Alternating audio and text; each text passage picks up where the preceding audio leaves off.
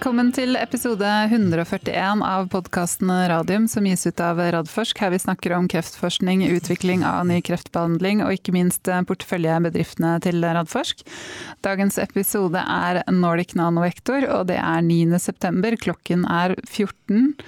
Velkommen i studio, Jonas Einarsson. Takk skal du ha, Elisabeth. Alt bra? Alt vel. Ja, så bra. Ja.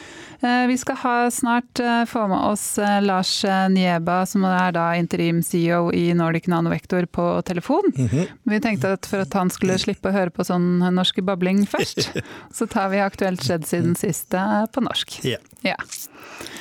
Um, vi kan starte med PCI Biotech. De har da meldt om et nytt forskningssamarbeid med DC Prime innen vaksinering. Og DC Prime de utvikler da vaksine mot blodkreft, som da har høy risiko for tilbakefall. Hva syns du om den nyheten? Jeg syns det er spennende ja. at de nå får et samarbeid på, på vaksinasjonsområdet. Eh, de har jo hele tiden sagt at de enten må de låne, innlisensiere et eller annet som de kan koble på teknologien sin, eller gjøre det i samarbeid med noen andre som utvikler det. Eh, og det er, det er veldig fint at de nå kommer i gang med det samarbeidet. Så får vi se hva som kommer eh, ut av det. Men det er jo å teste, teste ut teknologien på litt mer sånn real life, selv om det er i, i preklinisk stadie. Mm. Eh, så det er ikke så veldig mye mer å legge i det enn det, men det er, det er positivt at det er selskaper som er interessert i å teste ut teknologien. Mm. Så er det jo helt avhengig av om det er en god match. Det, det er det de skal finne ut av. Ja. Mm. Eh, og som vi snakket med, med, Per og Ronny sist, eh, de har jo på en måte nå ryddet bort noen samarbeid. Ja. Og har tydeligvis gått inn for noen nye. Så det er jo sikkert en del av en sånn ny strategi i forhold til hvor de ja, de har jo, fått en, uh, har jo hyret inn nye folk ja. til å jobbe nettopp med dette. Ikke bare det vitenskapelige, men også se det i business development-øyne. Ja. Og jeg går ut ifra at det er det som også må kvalitetssikres nå i de samarbeidene som går videre. For rene vitenskapelig forskningsarbeid er jo morsomt for, for forskerne, mm. men eh, det er, ikke, det er ikke der det kommer noe veldig ut av det for selskapet. Ja. Og så må vi jo kommentere at de har fått en ny nettside nå. De den har fått en ny nettside. Jeg har ikke vært inne ennå, men det burde jeg jo nesten gjort. Ja. Test, teste den ut og sett om den eh, nå holder mål. Men, ja. uh... Jeg har så vidt vært inne og kikket på den, og jeg syns den så, så, veldig fin ut. Uh, absolutt. Og så, uh, Vi må bare ta det med en gang, for vi, vi har faktisk fått litt kritikk det er så sjelden vi får kritikk, så vi, det, når vi får kritikk, så må vi liksom ta den. Ja. Vi fikk kritikk for at vi hadde ledd så fælt når vi hadde, og flira så fælt når vi hadde hatt PCI, altså Per og Ronny og PCI Biotech i studio. Ja, jeg ønsker det skal være god stemning i, i dette studio, jeg, og, og, det er klart at av og til så kommer det litt tilbakeslag, og nå var det litt utsettelser på, på tid. Eh, det er for så vidt også i Nordic Nanovektor. Eh, og at vi ikke kan omtale det med en, både en hyggelig og litt eh, morsom tone, det blir litt klønete for meg. Så jeg kommer ikke til å legge an på det. Det betyr ikke at ikke jeg tar alt det vi gjør på alvor. Jeg har jobba siden jeg ble ferdigutdanna lege da jeg var 25 år gammel, med å jobbe med pasienter, og de 20 siste årene innenfor kreftforskning og kreftbehandling. Så Det betyr ikke at jeg ikke tar det på det aller, aller dypeste alvor, men eh, det er en tid og plass for, eh, for alt. Så jeg beklager hvis noen syns jeg var litt eh, for flåste, men det er ikke sikkert jeg kommer til å legge om så mye. Nei, og det tror jeg jeg kan stille meg bak. Det har jeg hørt det før, at det blir for mye, at jeg ler for mye. Men det er jo en gang sånn at vi er folk, og så jobber vi med alvorlige ting. Og noen ganger så er det nesten viktigere å le litt når man nettopp ja. jobber med alvorlige ting og har litt uh, galgenhumor. Uh, på, på, ting. Ja, så, det, det, betyr ikke at vi ikke tar det på, tar det på alvor, men, eh, men, det er nok, det, dette er nå tonen vår. Og det er det som er i Radiumpodkast, ja. og det er det man får når man hører på Radiumpodkast. Ja. Og ganske mange andre seriøse podkaster, vil jeg bare tilføye Da. Det er ikke uvanlig. Da går vi videre. Vaxybody de har da presentert sin andre kvartalsrapport. Uh, var det noen spesielle ting i den rapporten som du tenker vi skal se på, eller? Nei, ikke noe sånn annet enn at selskapet leverer. Og de leverer godt, syns jeg. De er on track med, med alt det de gjør. Uh, og det var vel du som skrev det i den mailen til meg når jeg gikk gjennom dette her, at det å se fremover 2020 for, ja. for Vaxibody, det er jo det som er, er, spennende nå, med oppdaterte data både på immunresponser og forhåpentligvis litt på efficacy også i, i den basketstudien deres. Det er, det er kjempespennende. Og så er jeg veldig spent på når de skal legge fram eh, sin strategi og plan for eh, vaksinasjonsteknologidelen av plattformen. Ja, det blir veldig spennende å følge med på. Og så blir det jo da kliniske data fra ja. persontilpassa medisin. Um, og I tillegg så har jeg lagt meg merke at Paul Falk eh, slutter som analytiker i Arctic. Vi hadde jo han her ja. som for et halvt år siden, og gikk gjennom alle selskapene våre. Um, han skal over i et ikke navngitt uh, svensk eh, biotekselskap. Det blir spennende. Det blir veldig spennende ja. å se hvilket selskap det er og hva slags ja. rolle. Um, det er en som heter Lars Mørland Knutsen, som kanskje noen kjenner til, som har tatt over rollen hans som analytiker. Um, og han driver faktisk med en doktorgrad. Okay. Eller en postdoktorgrad. Nå ble jeg litt usikker plutselig. Husker jeg ikke helt uh, Husker jeg ikke helt. På, på, Institutt for kreftforskning. Oh, ja. Samtidig som jeg tror han har jobbet eh, Jeg lurer på om det er Nordnett eller tilsvarende. Okay. Ja. Jeg har i hvert fall fulgt han lenge på, på Twitter. Jeg er veldig interessert i selskapene, så jeg tenker at uh, ja, kan, morsom bakgrunn. Ja. Og, ja. Yes. Så vi ja da, har invitert han inn allerede. så han kommer i løpet av eh, høsten. Um, og så er det Onko Invent. De melder da at de har gått videre til neste dose i fase 1-studien av Radsferin. Og det er da den studien, de har jo to fase 1-studier gående. Ja. Det er den studien med tykktarmskreft med spredning til eh, bukhulen. Du sitter jo i styret her, så du kan si litt mer. Dette er jo kanskje en av de mest spennende fasene i, med å være med å utvikle nye kreftlegemidler. Eh, vi har jo gjort museforsøk opp og ned og i mente i en del år. For her er det flere ting som skal klaffe. Både disse mikropartiklene skal fungere der de skal være. Det radioaktive isotopen skal feste seg. Det skal ikke minst fordele seg riktig i bukhulen når vi setter det inn. Det er kjempeviktig for at vi får den effekten vi, eh, vi skal ha. Og så er vi alltid usikre på TOX. Men nå er det noe Roy Larsen som sitter og beregna disse dosene, og da er jeg ganske trygg ja. på det. Men klart, vi begynner med veldig lave doser. Eh, regner ikke med å få noe effekt i de, i de første. Men eh, supre bilder av biodistribusjon, ser ut som vi har det, i, i orden. Uh, og ikke noe tox å se nå. Så det å få check på de tre første pasientene og ingen tox, det er veldig bra. Mm. Og så går vi da over til neste, og så skal dette gå videre oppover til dosetrinn tre eller fire, regner vi med at vi, vi havner på. Uh, og jo mindre tox det er i de, de første, det er tre pluss tre pluss tre pasienter. Hvis det ikke er noe tox, så går vi bare rett videre i mm. neste dosering. Er det noe tegn til tox, så må vi kanskje gjøre flere pasienter i den, det neste doseregimet. Men vi, vi, regner ikke med at vi får noen store utfordringer der heller. Og det som er gledelig her, er jo hvor fort det har gått. Ja, den Veldig. rekrutteringen innenfor kolorektale har bare vært helt uh, smakk. Altså. Det har mm. vært en pasient i uka omtrent. Ja. Det er veldig gøy. Og når du sier biodistribusjon, så ser man jo da på hvordan ratsfrien fordeler seg inni budkulen. ikke sant? Sånn at den dekker på en måte hele det området den skal dekke. At sånn at den ikke, ikke klumper seg opp, at disse partiklene faktisk flyter så fint som Roy ja. har beregna at de skal gjøre. Sånn at det ikke ligger en klump med radioaktivitet nede i en del av bukulen. Det ville ikke vært bra, Nei. for da kan det bli for mye radioaktivitet på ett sted. Mm. Uh, og at strålingen varer så lenge som den skal. Og grunnen til at vi kan se det, altså alfa- og betapartikler, det klarer å ta bilde av. Men eh, disse, de, de radium 224 avgir også en liten gammastråling. Ja, ja. Og gammakameraer har vi jo. Ja. Så det er gammastrålingen vi, vi, da kan ta bilder av med veldig avanserte 2D- og 3D-bilder. Og det er utrolig fascinerende å sitte og se på de bildene når de blir lagt fram fra, av en relativt entusiastisk Audun Bruland. det vil jeg tro. Han, han, er eh, relativt entusiastisk. Men du, det var det vi hadde. Så da skal vi ta en bitte liten eh, pause i studio bare, og få ringt opp eh, Lars. Yep. Ja. Nice to have you with us in the podcast, uh, Lars Nieba, interim CEO of Nordic Nanovector. How are you? I'm very well, thank you. And you? Yeah, yes, thank you. Very well. Uh, where are you situated, actually? I'm currently in Switzerland. In Switzerland? So due to COVID, there's a little bit of a difficulty to enter Norway. Yeah. So I, yeah, yeah, we do have operate. Um, we have corporate offices here in Switzerland, and I'm based in Switzerland. Okay. And how is the COVID situation there? Uh, it's a little bit growing. It's not too difficult. We can go out a little bit like in Norway. Yeah. Uh, but of course, you have to wear masks and all of these kind of stuff. But it's it's pretty pretty under control. Okay, but that's good to hear. Um, Jonas has actually urged me to skip the company presentations, but uh, it's been such a long time since we had someone from Nordic Nanovector in the studio, so I think we will start with you actually giving a short presentation of the company. Thank you for giving me that opportunity.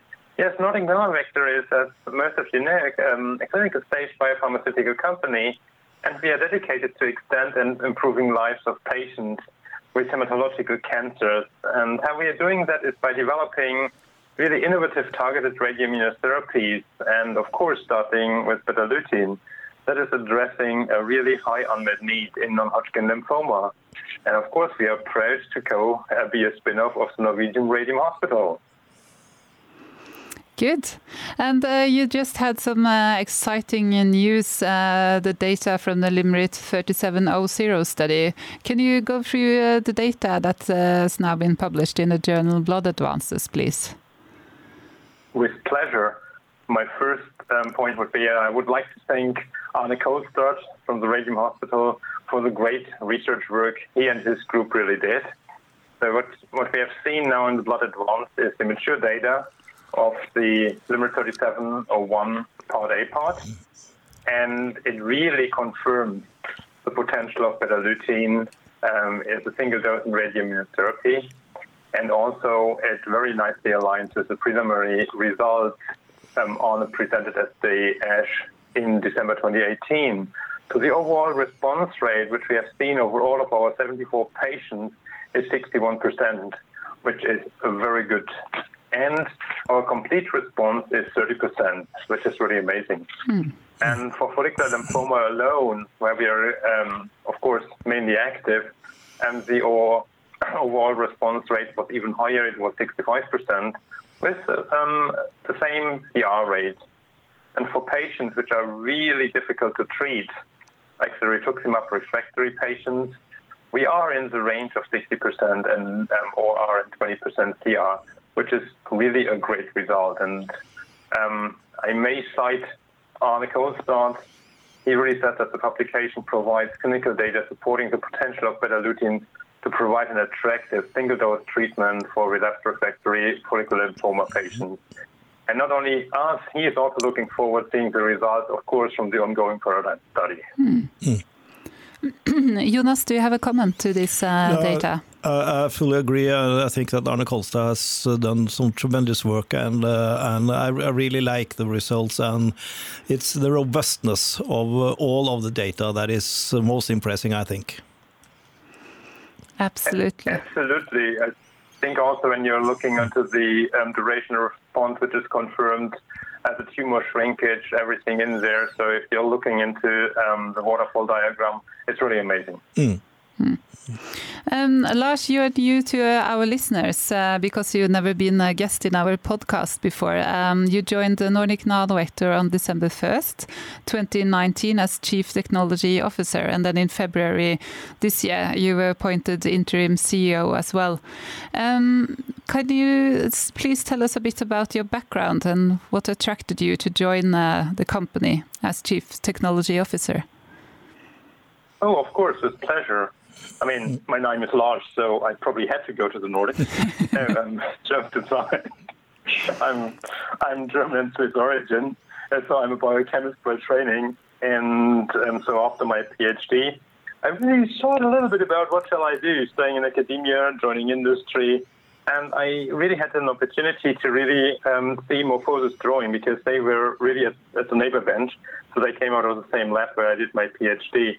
And that attracted me into thinking about shall I join biotech?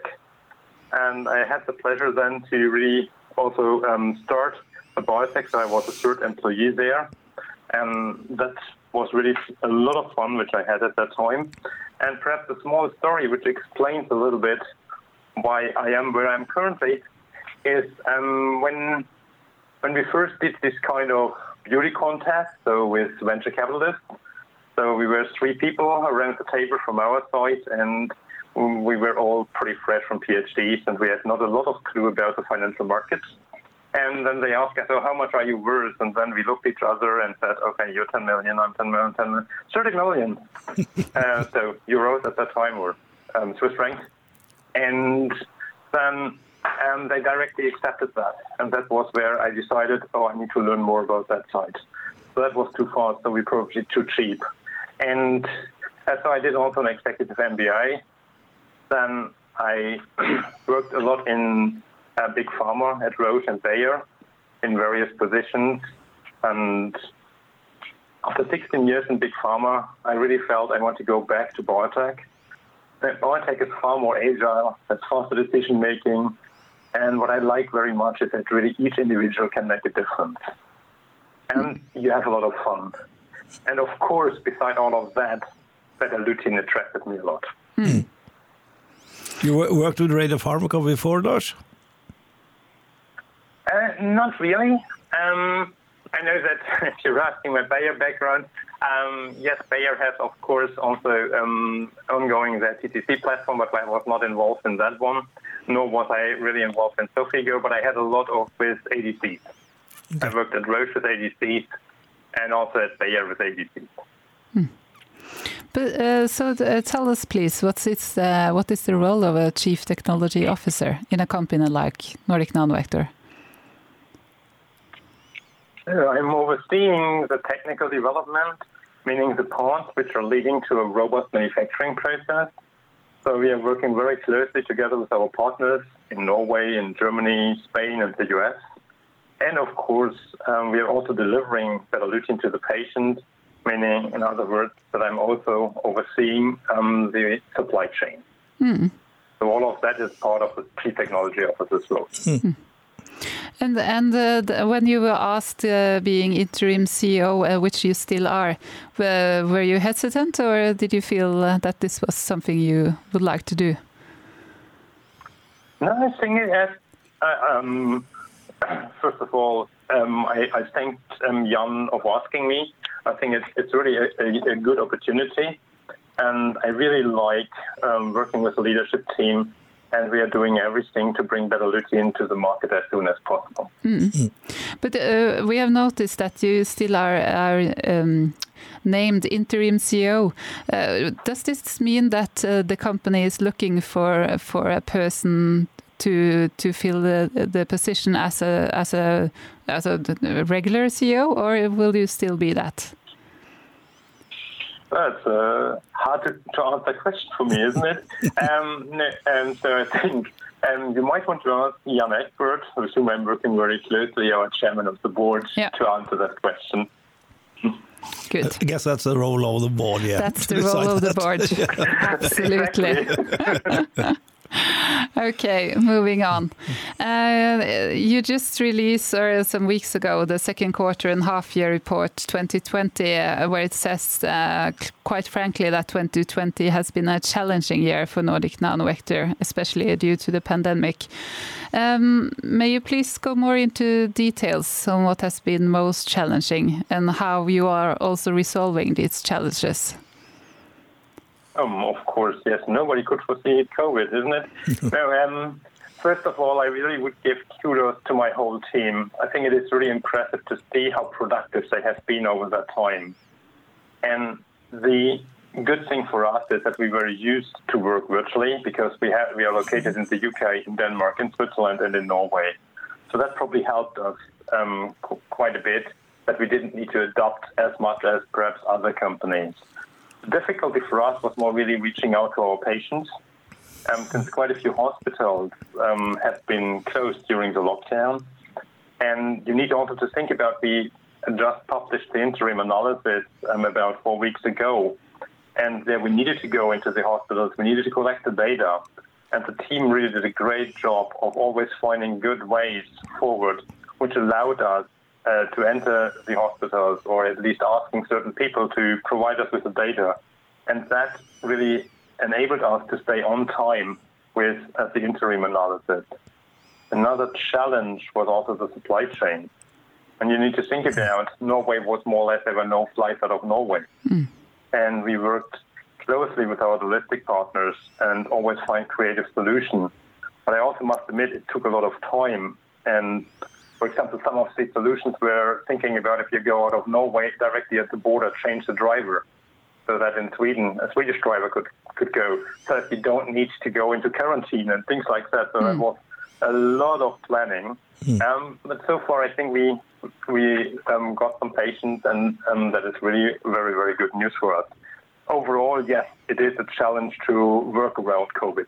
Mm. But uh, also, you had some challenges, uh, or had have had some challenges with recruiting into the paradigm study. And I'm thinking now about the amendments you did to the to the clinical protocol. Um, are, you uh, happy with the amendment, and do you think this will uh, accelerate the patient recruitment going forward? It's absolutely. So it's not only the amendment. I think it is it is going beyond that. So we did a strategic assessment and thinking about focusing on paradigm. So we looked a lot in detail into paradigm, and I would like to start first of all also with the outcome of the interim analysis. Having a dose selected will already start making the protocol a little easier, and that increases the rate of enrollment also. The protocol amendment is something which is very important to us, and it shows uh, and proves really the safety, which we have so far shown very nicely, because we can include autologous stem cell patients, which you need to think about. In some countries, it really represents the majority of second-line mm-hmm. follicular lymphoma patients and treatment. So, of course, then when they're going to third line, it also represents the majority of these patients in in some of the countries like UK, Italy, Turkey, and so on. On the other hand, we also were able to lower the number of platelets um, for patients in screening, which is also very important. And again, it shows nicely um, the safety of our, of our drug. And we estimate to gain approval in all of 24 countries in probably October, November time of this year. And yes, that should allow us to um, speed up our recruitment but not only that, we have also worked very closely with our CRO and with um, all of our study investigators. And we have shown very nicely, for example, in UK and France, um, so-called patient referral networks, where mm-hmm. the community hospitals, which are uh, where most of the patients are, and they are um, they are um, diagnosed with third-line follicular lymphoma, and then these um, investigators or these um, physicians can really refer the patient to the academic site where we are active. And that really works very nicely in, in some countries now, and that is what we want to adapt. And we also are working on other initiatives, for example, such as enhancing social media strategy to drive recruitment. What we also realized is if you're thinking about the patients are in usually at a higher age, meaning the average 68, and I'm thinking about whatever. I can only think about my own mother. So she is not usually that firm anymore in Google and all this kind of stuff of looking around and social media. So if, if something would happen to her, I probably would be the one mm. who would look for her. And that is something which we also know starting that we are helping in social media to identify the right patient. All that makes us very confident that we increase um, the um, speed of enrollment, yes. Mm. That's good to hear. Do you have any comments, Jonas? Well, I, I, know it's been challenging for most of our companies. Uh, it's been different between the uh, the companies. They don't usually have this log logistic uh, issue, but uh, I think you've done the, the, the right things here, uh, Lars. And all all of these uh, parts of the puzzle has to be there if you should get a, a good recruitment. And I also think that uh, we have talked uh, about that in a lot of the companies that we actually have to use the social media much more than me, than before. So I'm I'm happy to hear uh, hear that, and also that there are other hospitals referring pa patients to the uh, or, or, the few hospitals that really are, are doing the treatment. So, uh, well, I, I think you could be pretty confident that you're back on track. Yeah. Thank you. Good. Um, when you took over the position as interim CEO in February, had you imagined how challenging it this would be with uh, with COVID, COVID rising up? Um, I unfortunately had not a crystal ball at that time, so no. I think nobody could foresee these kind of um, challenges, and they, nobody could have seen that the mm. COVID is really um, coming. Um, but I I also would like to mention, I mean, challenges are good to have. We should not underestimate the challenges. So I'm really someone um, who who does welcome challenges, and it really forces you also to find solutions. And only then you can move ahead. And usually, you really find good ways in moving forward. Just the chat we had, for example, like social media. What I um, if you're working virtually, you're thinking, well, oh, let's do that. I think from that point, challenges are also having a positive influence. Hmm. Hmm. That's true. Wasn't it Churchill who said something about the crisis and then you can turn something yeah. into, you should always uh, look for the uh, solution. Um, are you are you confident now that the company has taken the right steps to turn the ship around? That you can increase uh, recruitment rate and. Uh... Absolutely. I think with the strategic assessment, focusing on paradigm, and getting the broader inclusion criteria, successful interim analysis, reduced cash burn, and everything I mentioned before, I think um, we have done really everything we can influence, uh, and we, from that we are absolutely on track. Of course, can I can I say how, how COVID will develop? That's a little difficult to say, but so far we are seeing that the countries are also have learned a lot with COVID. So from that point, yes, we have done the absolute right things, and I think we are on track. Mm.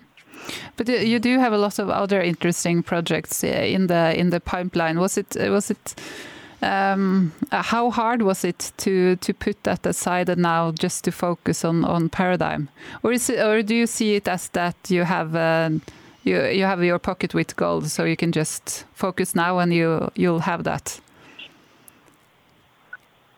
Um, it, it's always hard to think um, that you have to focus. I mean, if you if you need to think about um, where you need to spend your money, and if you if, if I would have unlimited amount of money, I of course would not have um, prioritized um, the things as we did.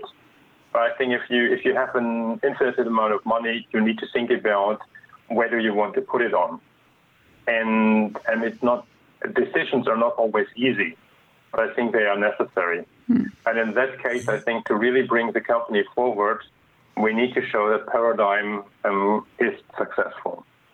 Mm. No.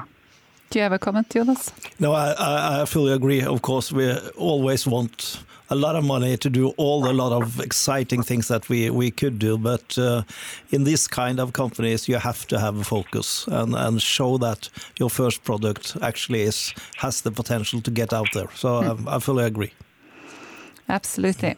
Um, so. Um, the financial situation. Uh, you know how the funds to go into 2021. Uh, can you uh, be more specific uh, on how long into 2021 you you have your cash and when? And can you say something about when you most likely will raise funding? Well, sure. Let me try to answer it.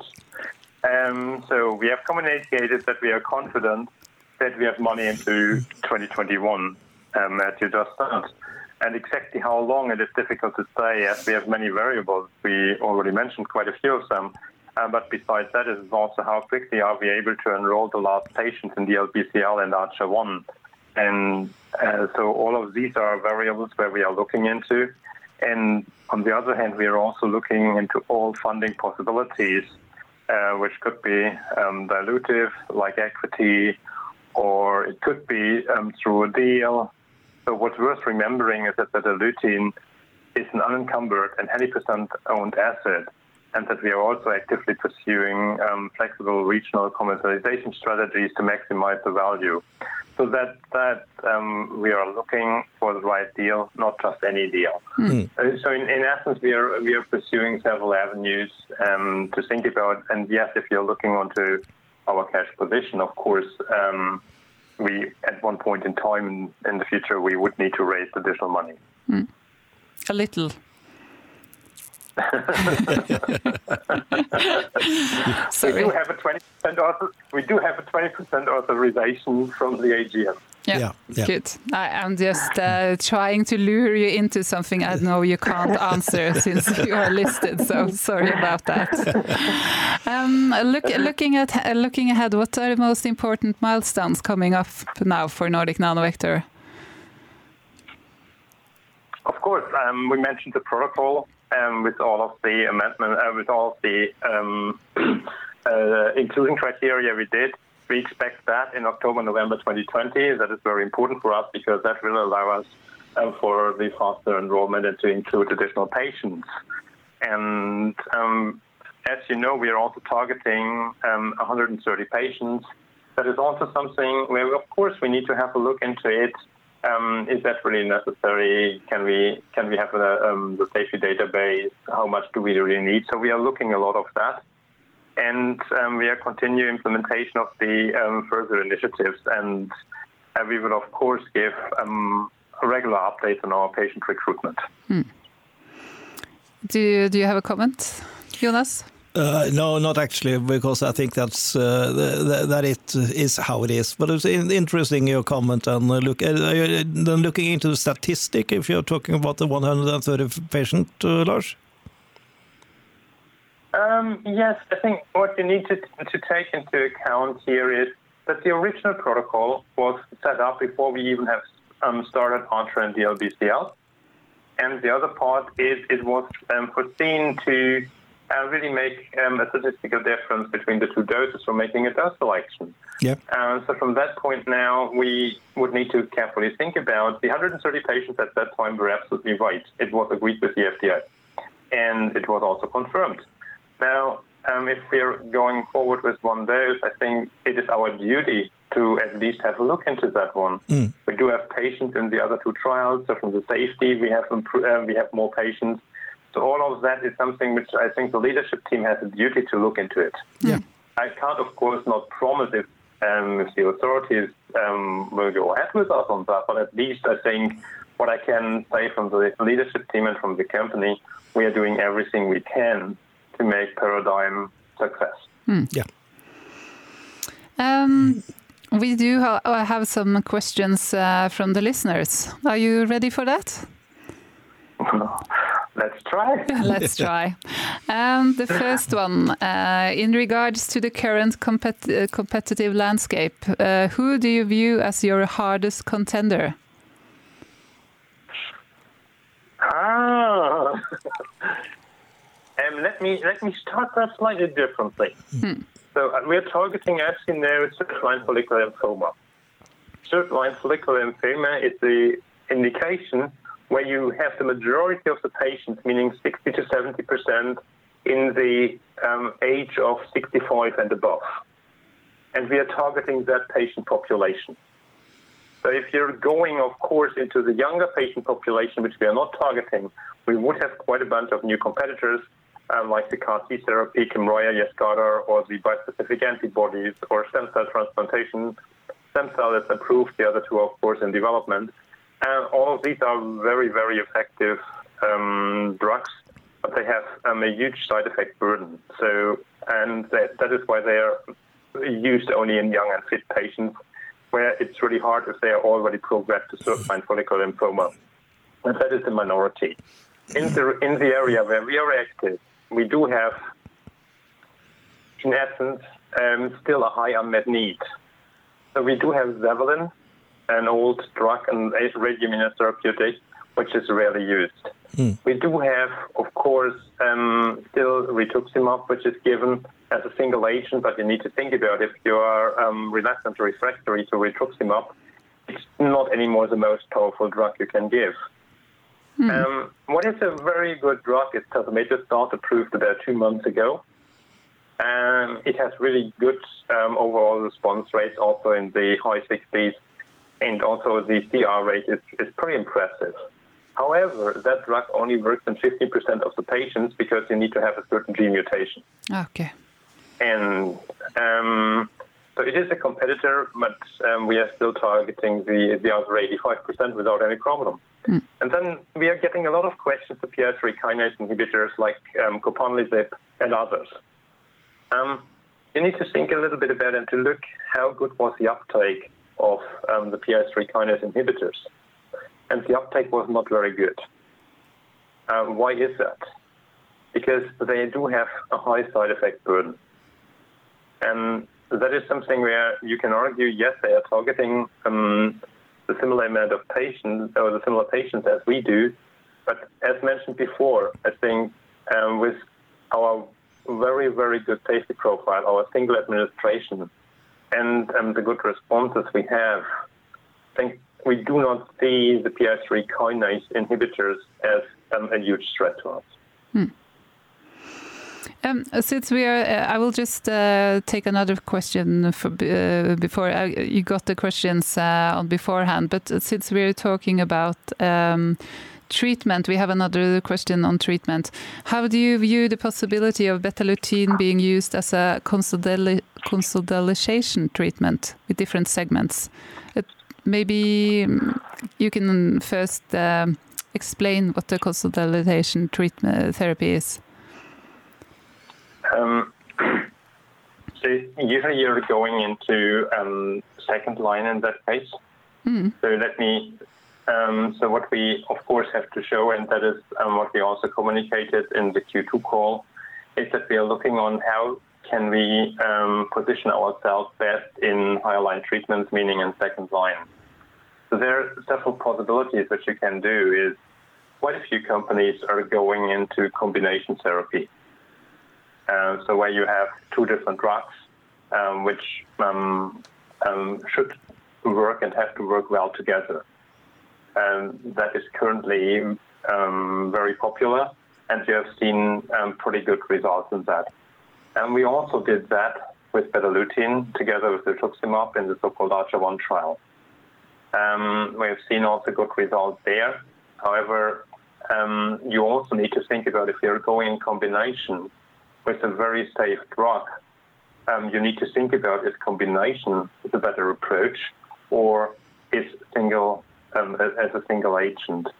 And um, we think about that um, we might we might also can go as a single agent, and then you need to think about consolidation means that whatever comes out of the first uh, of the first line um, and going into relapse, you can consolidate certain pre-treatment and going forward then after whatever 24 months and moves them um, one step up, meaning if you have a PR that you're going to CR, that you're giving um, to these kind of patients um, Betalutin.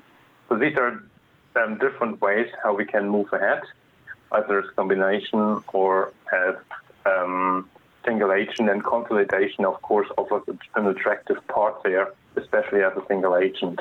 We have not yet decided anything, but of course, um, we are we are discussing various strategies how to move ahead. Mm. Or because we have, as you know, we have to have a um, and to initiate a phase three confirmatory trial before we can get approval, and that would allow us to extend our label into second line. And we still have a little bit of time before we have to start the trial. Mm. Good.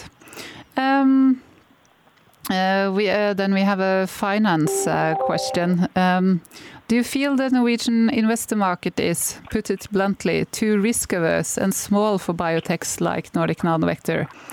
Uh, like, for instance, uh, Trillium Therapeutics uh, is a phase one company valued at 800 million US dollar, roughly five times what you are valued to. Hmm. It's a hard question. it's a very hard question. Um, well, I mean, if you're thinking about it, it's of course um, a different investor um, investor market than compared to, for example, the UK or, of course, in particular the US. The US is definitely far more risk taking. Um, however, um, that said, we are we are very pleased and very grateful for our um, very supportive, and that is something which is also unique long-term shareholders. So we have a lot of shareholders um, which are with us since the IPO, and we have um, I think, about 10,000 shareholders, which is a lot for the size of our company. And of course, that is also a challenge with all of the questions we receive. Um, um, you know, we have a smaller team now, but it's it's also that a lot of people do have a lot of questions. and that I, I will promise that we will do our best um, when it comes to spending uh, the shareholders' money and answering um, the many great questions um, they have. So I think I wouldn't call them not too risk averse. I think it's it's more um, sure. Uh, it's, it's, in Europe in general. I think we are um, we we work a little different than in the US. So I think it's not only Norway. It's if you go to Germany, Sweden, Switzerland, and so on. I think it's pretty much the same um, there as well. Hmm.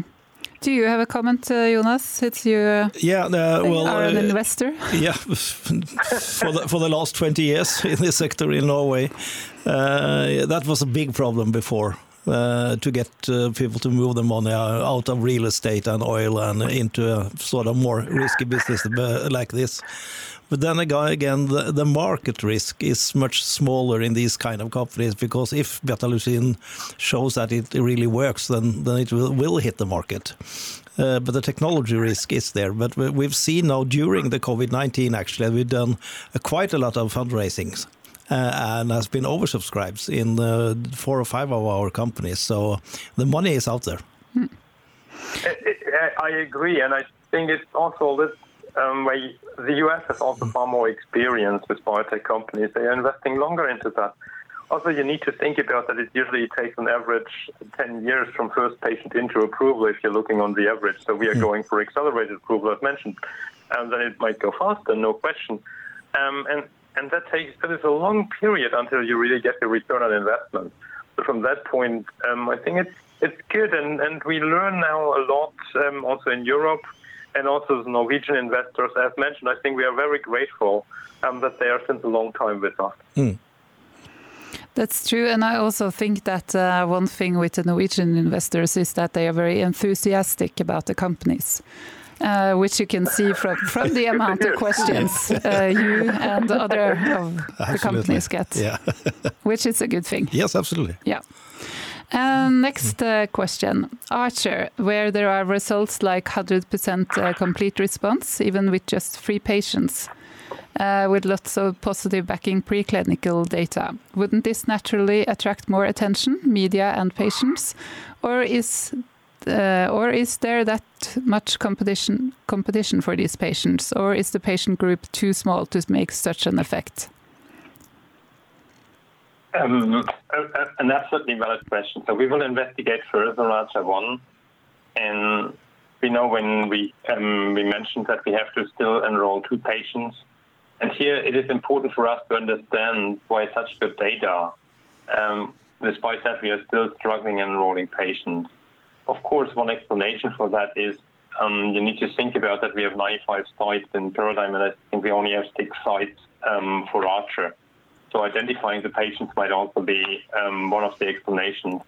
Um, but of of course, we're um, we're also seeing some competition. So that is something where we need to to really look into it to understand it, and that is what we will do after we have finalized the next cohort. Mm. Mm. And uh, this listener also has a has a greeting to you, Lars. Thank you, and I would like to add that uh, Lars is doing a fantastic job along with Egberg, and I'm very hopeful for the coming year. Thank you. That's good to hear. Yes. We're also very hopeful. That's great. Then uh, I actually received uh, the same question from two different listeners. So I guess this is uh, a uh, question which uh, several of our listeners are interested in. Uh, the median duration of response from the LYMRIT 3701 study ended at 13.6 months for all responders and 32 months for complete responders. Can you tell us something about the medium uh, duration of response for the um, cohort 15 slash 40 and 20 slash 100 doses, respectively, in this study? Um, yeah, it's it's a it's, it's a good question, and um, we are of course working on that one. Um, the uh, whoever asked that question is right. Yes, we have included all dosages, um, and we have not um, used any difference between the dosages. Having said that, is that we are of course currently looking more into paradigm. However, due to the short follow-up which we so far have in paradigm, um, patients assessed in the IA, um, medium duration of response and medium progression-free survival are still immature. And um, of course, the characterization is expected at the further data points. And at that data points, we also, of course, will consider patients from Part A of the study. So we are we are working on on that. So I currently cannot answer that question to more detail. I know that the people are eager to hear that, but we still need to wait until we have more mature data out of Paradigm. Mm. Thank you so much, uh, Lars. That was the last uh, question from our listeners. Do you have something to add, uh, Jonas, before we end? No, it was very nice to have you in with us in the podcast, uh, Lars, and uh, hopefully we you, you will get back to us with some good news. Absolutely, and thank you for inviting me. It, it was good to have you with us, uh, Lars, and have a good day. Have a good day. Yes. Bye. Bye.